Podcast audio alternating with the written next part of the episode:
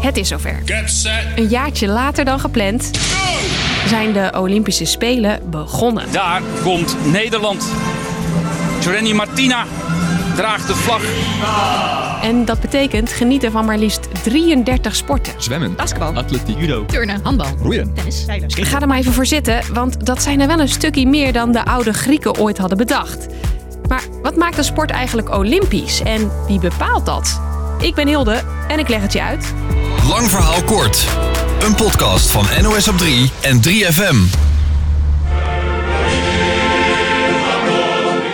De allereerste Olympische Spelen werden al door de oude Grieken gehouden, honderden jaren voor Christus. Maar de eerste Spelen zoals we die nu kennen, ook wel de moderne Olympische Spelen genoemd, die waren in 1896 in Athene. In ruined Olympia Stadium near Athens, scene of the ancient Greek Olympic Games, the flame is kindled. 241 mannen, vrouwen waren nog niet welkom, uit 14 landen deden mee. De sporten, atletiek, gewichtheffen, schermen, schietsport, tennis, turnen, wielrennen, worstelen en zwemmen. Dit is dus hoe het begon. Maar in de loop der jaren zijn er steeds sporten aan de Spelen toegevoegd. En ook vielen er sporten af. Deze Spelen in Tokio zijn er dus in 33 verschillende sporten medailles te verdienen. Dat zijn er meer dan de vorige keer in Rio. Vijf sporten zijn eraan toegevoegd. Honk en softbal is terug van weg geweest. En karate, sportklimmen, golfsurfen en skateboarden zijn helemaal nieuw de Spelen. En zo'n Olympische status heeft volgens deze skaters allerlei voordelen. Ik vond het vanaf het begin vet, omdat ik denk er komen meer parken, er komen betere wedstrijden. Ik kan misschien mijn geld mee gaan verdienen. Ja, het geeft allemaal mogelijkheden, weet je. wel. Er gaan in één keer allerlei deuren open. En dat soort voordelen zien ze bij andere sporten ook wel zitten. Zo probeert de bowling- en squashbond hun sport ook al jaren olympisch te krijgen. Tot nu toe zonder succes. Een sport kan op twee manieren olympisch worden. Allereerst kan het land dat de Spelen organiseert sporten aandragen die voor één keer meedoen. Dat is nu het geval bij de vijf sporten die in Tokio zijn toegevoegd. Organisatoren krijgen vanaf nu veel meer vrijheid in de samenstelling van het Olympisch programma.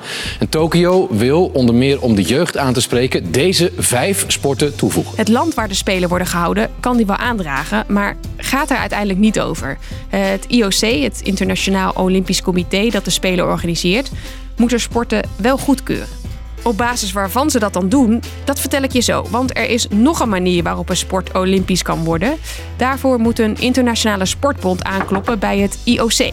Aan de hand van een enorme waslijst met meer dan 30 eisen beslist het IOC daarna of een sport olympisch wordt. Om te beginnen moet een sport populair zijn. De organisatie kijkt of veel mensen aan de sport doen en of er veel naar wedstrijden wordt gekeken. Ook vindt het IOC het belangrijk dat een sport in landen over de hele wereld wordt gespeeld. En doen alleen vrouwen aan de sport of is het ook bij mannen populair? En natuurlijk is ook geld belangrijk. Hoeveel kost het om de sport mee te laten doen aan de Spelen? Je hoort mijn sportcollega Suzanne. Karate, klimmen, surfen en skateboarden zijn helemaal nieuw en spectaculair om naar te kijken. En dat is ook precies de reden waarom ze op het programma staan. Je weet nu wat er allemaal voor nodig is om een sport toe te voegen. Maar hoe zit dat met sporten die verdwijnen? Tennis stond bijvoorbeeld jarenlang op het programma, maar vanaf 1924 een tijd lang niet meer vanwege een ruzie tussen de Tennisbond en het IOC. En de Spelen in Tokio waren bijna zonder worstelen, want de sport stond op de lijst om geschrapt te worden, vertelt Suzanne. Het zou te weinig in ontwikkeling zijn, niet goed zijn voor de kijkcijfers en amper nog jeugd aantrekken. Het IOC kijkt continu of sporten nog wel aan de criteria die ik net noemde voldoen. Zeker als er sporten bij komen, want er is nu eenmaal niet genoeg tijd om alle sporten mee te laten doen aan de Spelen.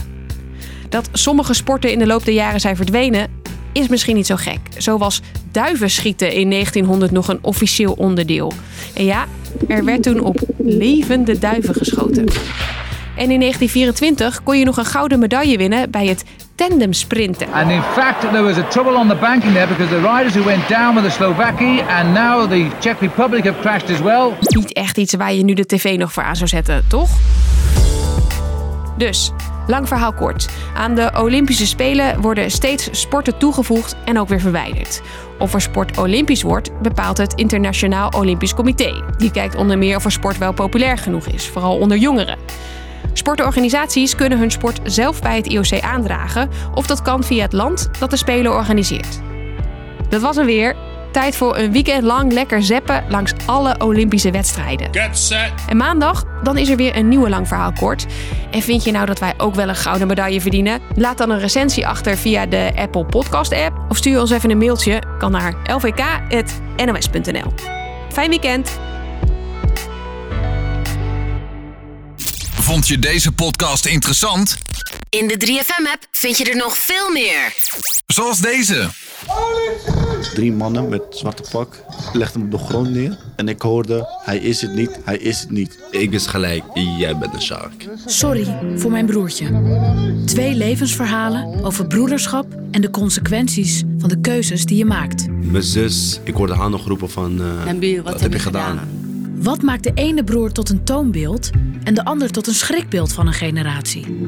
In de podcast Sorry voor mijn broertje zoeken we antwoord op die vraag aan de hand van de levensverhalen van Nabil en Naïb.